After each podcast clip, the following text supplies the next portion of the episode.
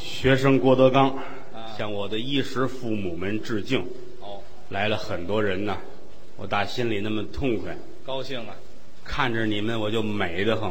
是，有人认识我们，有人不认识我们。啊，有熟的有不熟的， 我是中国相声界非著名相声演员郭德纲，哈哈哈，这就自我介绍了。挺惭愧啊，嗯，干了二十多年了，也不是个腕儿，也不是个角儿，也不是个艺术家，啊哈，除了我们家亲戚，没人认识我，是很惭愧啊。啊，嗯，给我鸽子王府井问认识我吗？扭头人就走，不认识。认识我吗？嗯哎哎，得还打车走了。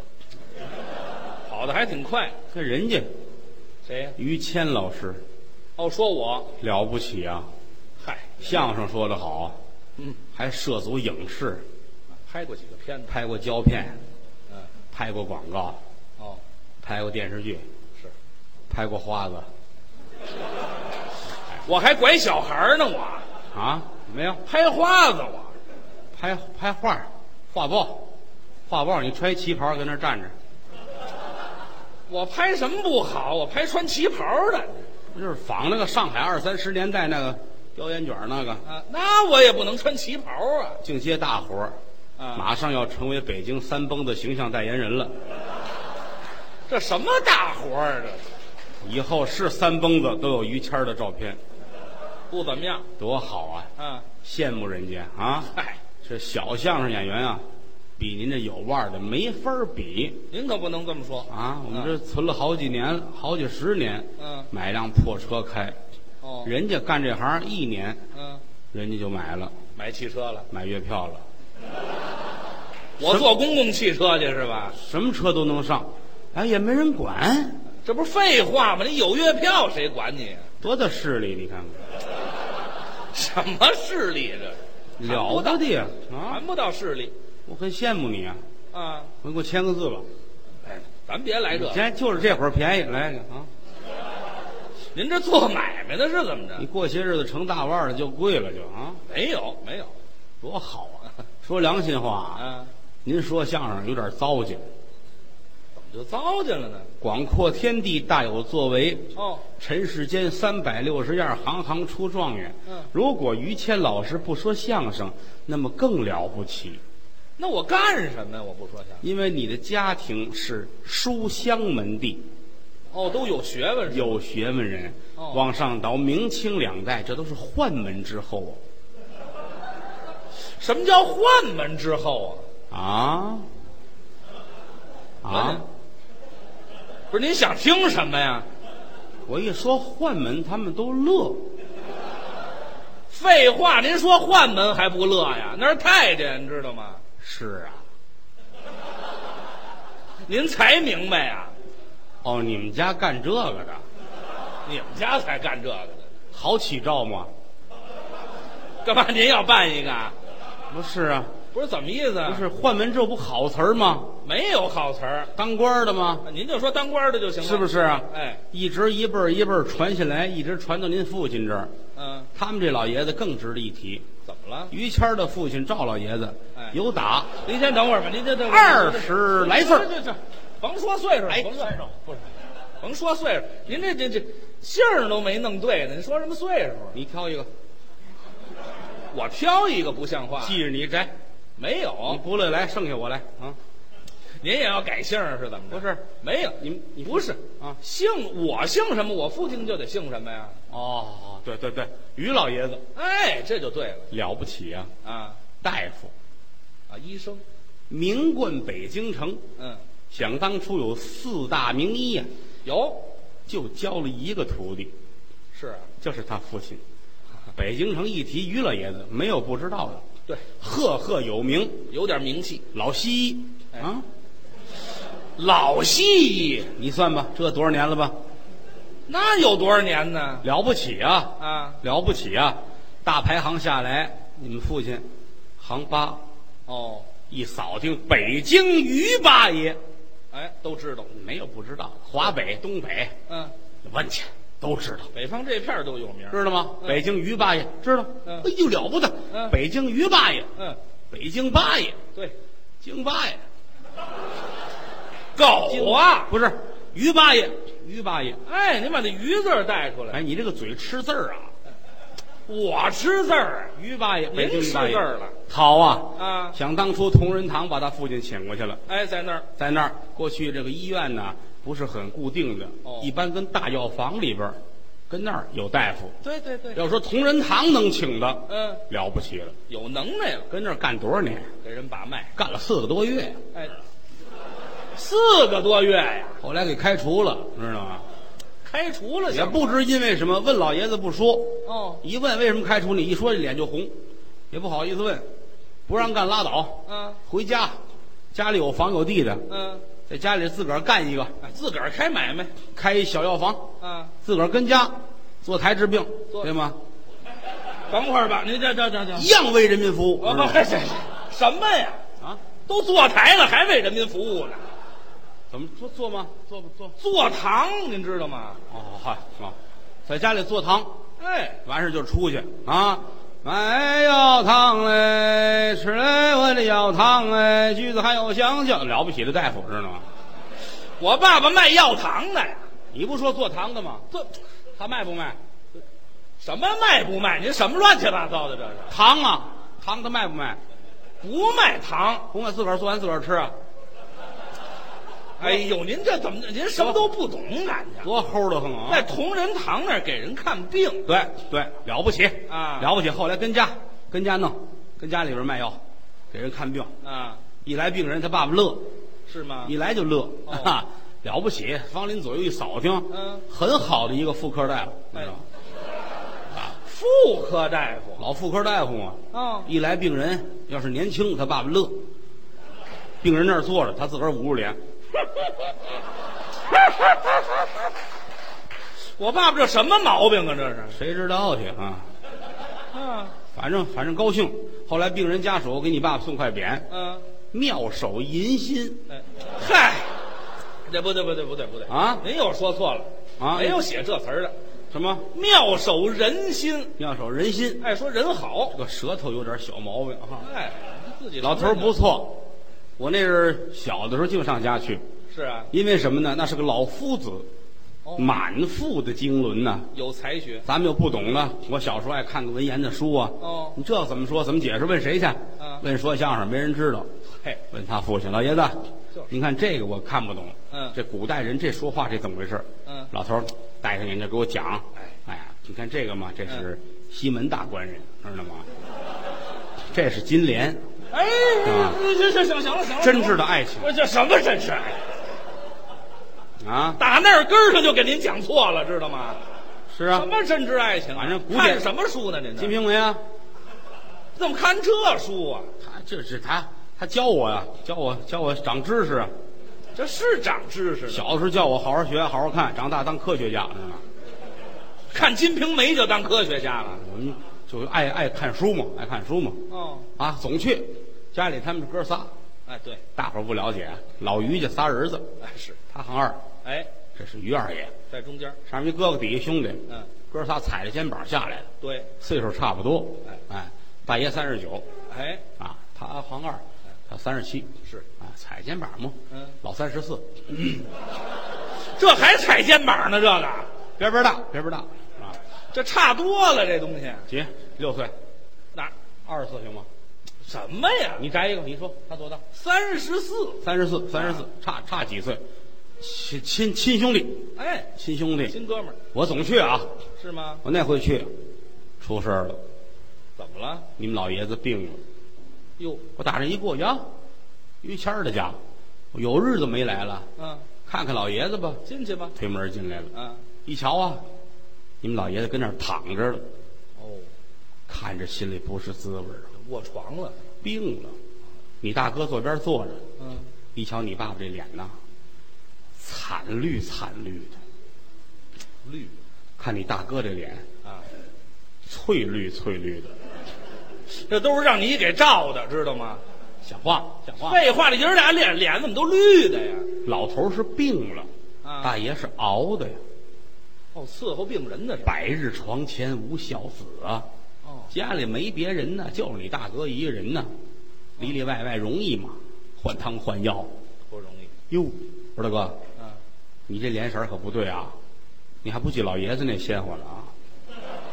先死谁呀、要？啊，你你怎么着？你头里去是怎么着？哎，这还商量呢？什么呀？我三天没吃东西了，哎呦，饿的赶紧厨房，啊！你得吃饭，知道吗？哎，人是铁，饭是钢，一顿不吃饿得慌。嗯啊，你赶紧，我替你盯着啊。哦您走在这儿走走走啊，赶紧吃点东西去。太好了你这哪行去？啊嗯我得管呢，对，是不是？嗯大哥走了，看着你父亲在这儿，啊，我这心里不是滋味儿。难受。打小跟老头儿一块儿，嗯跟前儿长起来的，看着我长大的。哦现如今他这样，我心里能是滋味儿吗？就是你也有今天，啊，哎，您这怎么说话呢？这是什么叫也有今天呢？不是？原来多壮啊，啊，大高个儿，大腮帮子，哦，大胳膊根子，嗯，他一出去，整条胡同呼啦家家关门，你知道吗？干嘛呀？净街鱼，知道吗？没听说过。出来进去，现如今你看躺在这儿了，啊嗯，啊！上气儿不接下气儿少说话，老爷子啊，啊，还认识我吗？我，德刚，啊，德刚啊，哦，还认识，还认识人儿，哎，还行。这就行。嗯嗯老爷子，咦嗯嗯，喝点水吗？嗯、啊，不喝水饿吗？吃点东西。啊，啊，不是，吃不下去哎呀，我扶您坐一会儿吧。啊，嗯、嗯、坐不起来我来，我得我得伺候您呐。啊。您要点什么呀？问问他需要什么我要小姐，啊？等会儿吧，等等等，早就该死。那嗯那是该死，怎么没有这么说，都这么大岁数了要小姐啊，怎么回事？啊？啊，接小手。嗨呀，您到这时候说什么文言呢？您这是？看《金瓶梅》看多 哎，了，行行行行行行，甭提这《金瓶梅》了来吧，我收拾您，啊！收拾您尿，哎，别动我，怎么了？尿完了得，好嘛，弄我一鞋。您多必须。老爷子，老爷子，哎，不动了，眼神可定上了。哟，怎么了？我得探探鼻息呀、哦哦，看看有没有出气儿进气儿。啊看有气儿没有？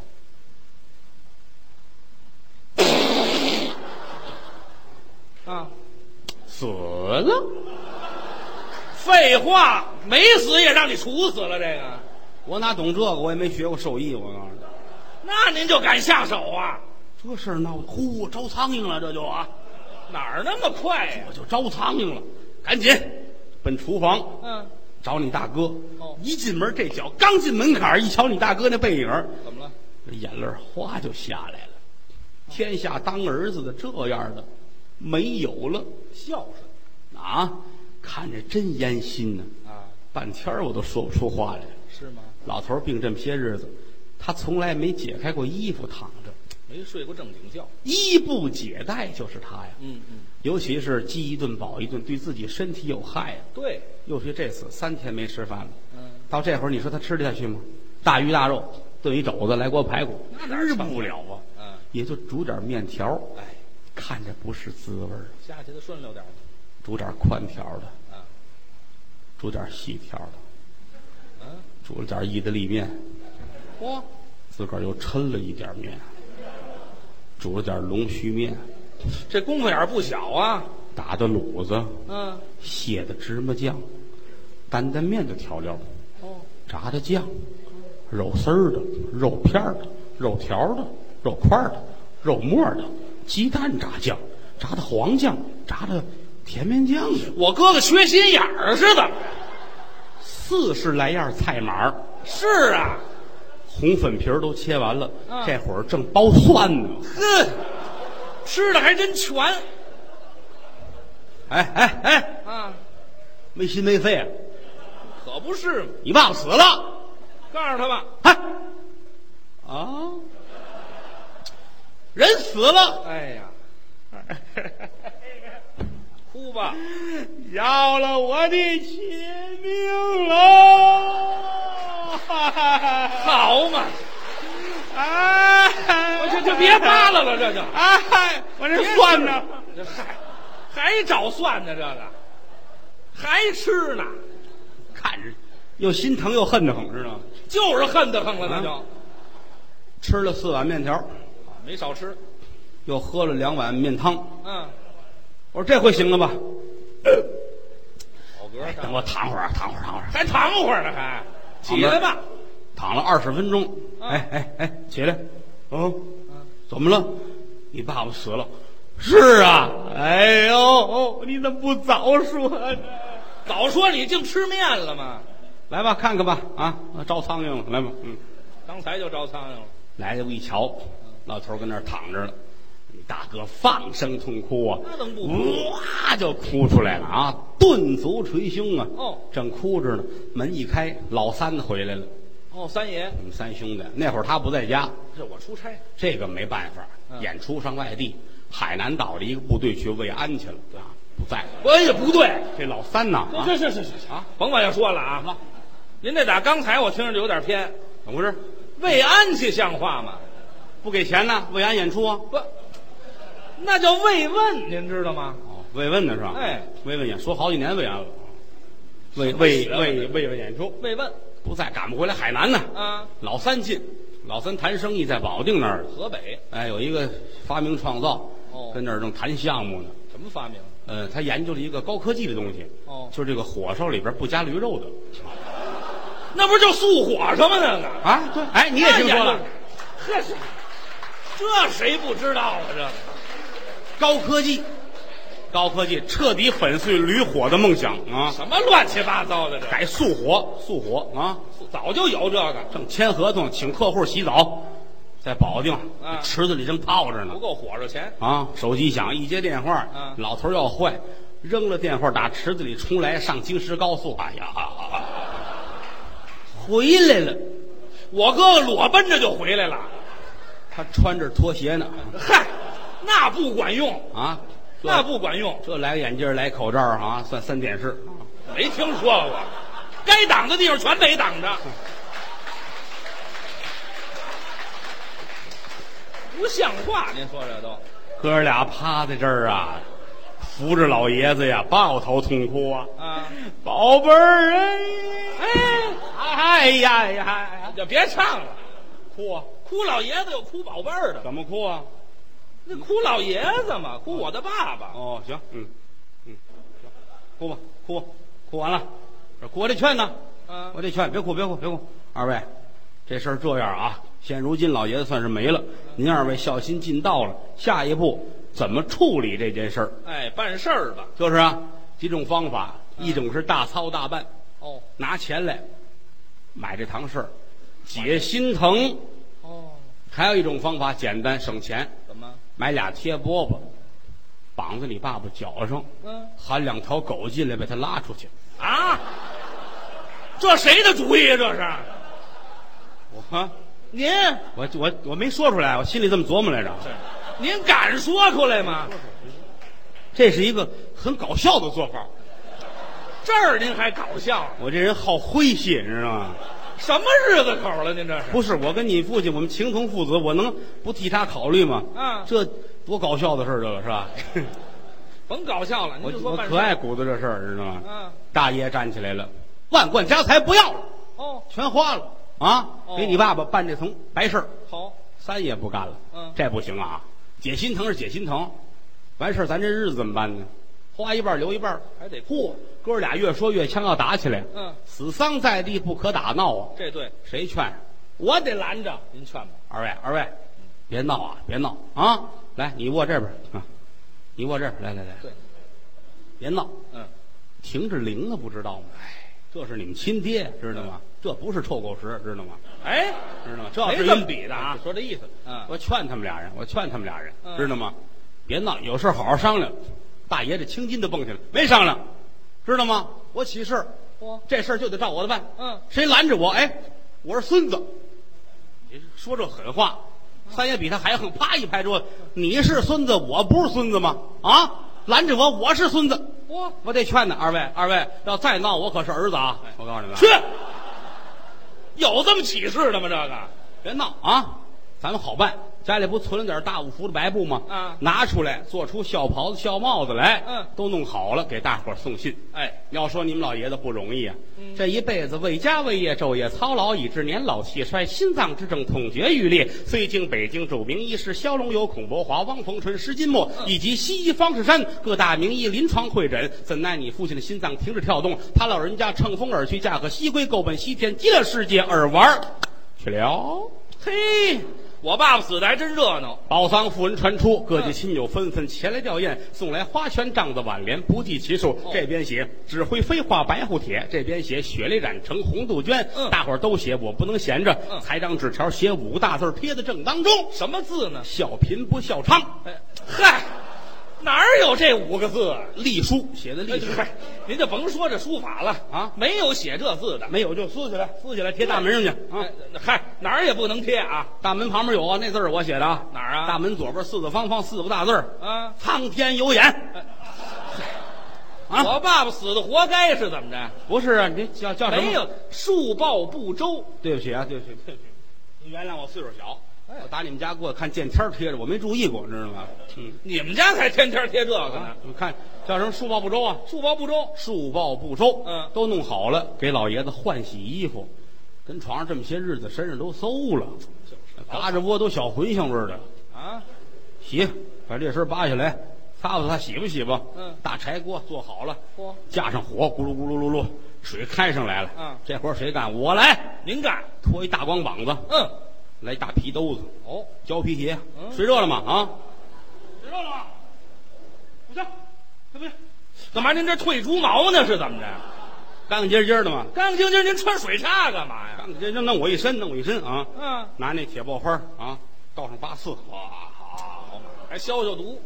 干干净净的，嗯，穿好了装过，整部金刚经、驼着经被、漂白布、高腿、水袜子，哦都穿好了，在棺材就搭来了。哦，早年间的老存性啊，是啊，北京前门外打木厂、万义祥木厂的货，这个材料叫金丝楠。好东西。棺材来了，上三道大漆挂金边，嗯头顶福字，脚踩莲花。棺材头里边用白油漆写着宋体的扁字儿，写着你父亲的名字。哦上写亲封，嗯亲封俩字是红的，底下对是白字儿，是你爸爸名字。嗯亲封登侍郎于太公会，嗯，进锅哎，我爸爸叫于进锅呀。啊！干嘛？您这熬鱼呢？是怎么着？你说叫什么？叫鱼头泡饼。啊呃我爸没听说过。这带主食这个啊甭呃没饼什么事儿，这里头啊，饼都吐出去了，啊嗨，你甭说这个了， 不要这个是吧？哎，你完了写不是我叫爸什么吧？爸啊，入殓。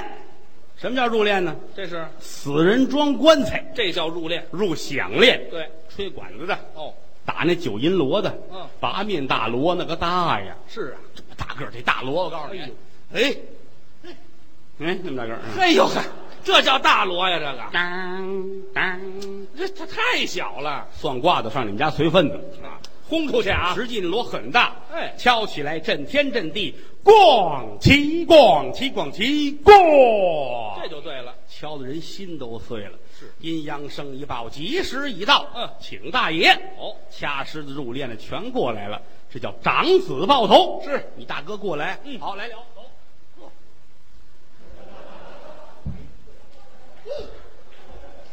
您这往出扔臭大姐呢，是怎么着？都兴起了啊！什么兴起了？长子抱头啊，长子抱头这么抱，这么抱啊啊！老师傅受累吹，哎我们那哪都是东北人，嗨，好听，那好听。这好听管什么用啊？紧跟着高搭法台，请来和尚念经。嗯正当中坐着一位头戴毗卢冠，身上穿着袈裟，哦这为大帽。对两旁边是小和尚，念的是咽口失食，开十六本经，嗯一边念一边撒米撒小馒头。这经太好听了哦，那那这么着啊，啊！您好听，您给学学这经怎么样？瞧着您念经这个 啊，哎，好好好会的不多啊，啊，你唱几句。简简单单的啊。哎哎哎，道长成就，振气疆场，摘竹千层上香设拜，叹息中响声号。快逃逃，孽自招，迷人不醒半分好。世人不把弥陀念，枉在世上走一遭。锦官山有色，细听水无声。春去花还在，人来鸟不惊。八月中秋雁南飞，一声吼叫一声悲。大雁道有回来日，死去亡魂哎，不回归。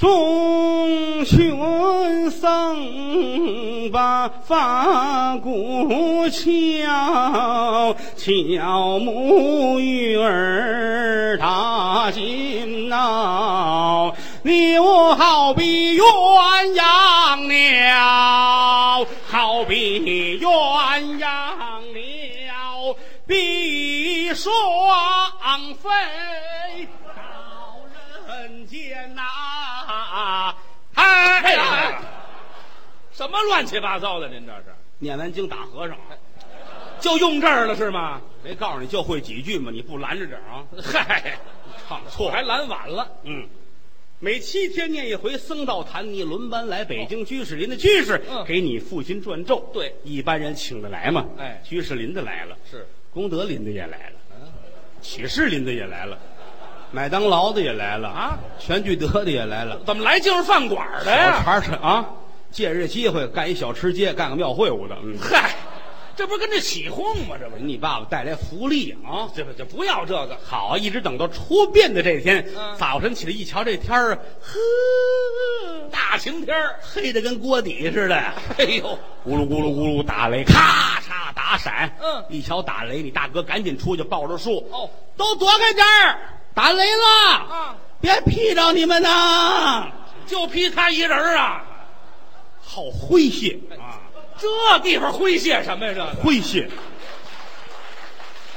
这地方呢，就用这个嘛，搞笑大爷嘛，就是他，甭说这个了，他非常喜欢拿自己找乐儿，你知道吗？那也不能报数去。糟践自己，给大伙儿带来乐趣啊！这这算了吧，好人呢说这事儿啊，一会儿的功夫，天可就晴了。哦晴空万里，红日喷薄。嗯院子里边立三根白沙高，搭起几大棚，过街牌楼，钟鼓二楼，蓝白纸花扎的彩牌楼，上写三个大字：嗯当大事。孟子曰：“唯送死以当大事。”早晨九点钟出堂发引，先放三声铁炮，请来文官点主、武将进门，嗯先由杠夫二十四名将金官请出门外。杠夫满都是红缨帽、绿嫁衣、剃头、洗澡、穿靴子，一个个是满穿套裤。八十人杠换三班，二百四十人摆开一字长蛇五里阵，浩浩荡荡，威风凛凛。在前面有三丈六林静帆，紧跟着就是纸人纸马。哦有开路鬼、大路鬼，英雄斗志不豪图，方必方向，哼哈二将，秦琼敬北，身收玉立四大门神，梁举爱左不逃，不亦舒淇，名为四贤。指而过去的铜音发鼓，子弟文唱，七个大座带家庙，松毫松肉松亭子松款松三松轿子花瓣花枣花轿子，金瓜乐府朝天凳，素酒回不牌，歪把活了法一堂，上绣金福字，飞龙旗，飞凤旗，飞虎旗，飞镖旗，飞鱼旗，飞鳌旗，四对香块，八对香色，一锅二十瓶，倒锅二十瓶，坛城四对，合成四十瓶，雍和宫大喇嘛四十名，在前面有影厅一座，摆着你爸爸相片儿嗨，猴儿啊，送殡亲友两千多位，嗯有人嫁着你哥哥，有人嫁着你兄弟，这哥俩头戴麻冠，身穿重孝，是泣不成声啊！哦早晨九点钟出堂发引，这口嗯棺材由南城奔北城，由北城奔东城，转遍了北京四九城，到晚上七点半哦才把这棺材抬回了家，怎么又抬回来了？没坟地。去你的吧！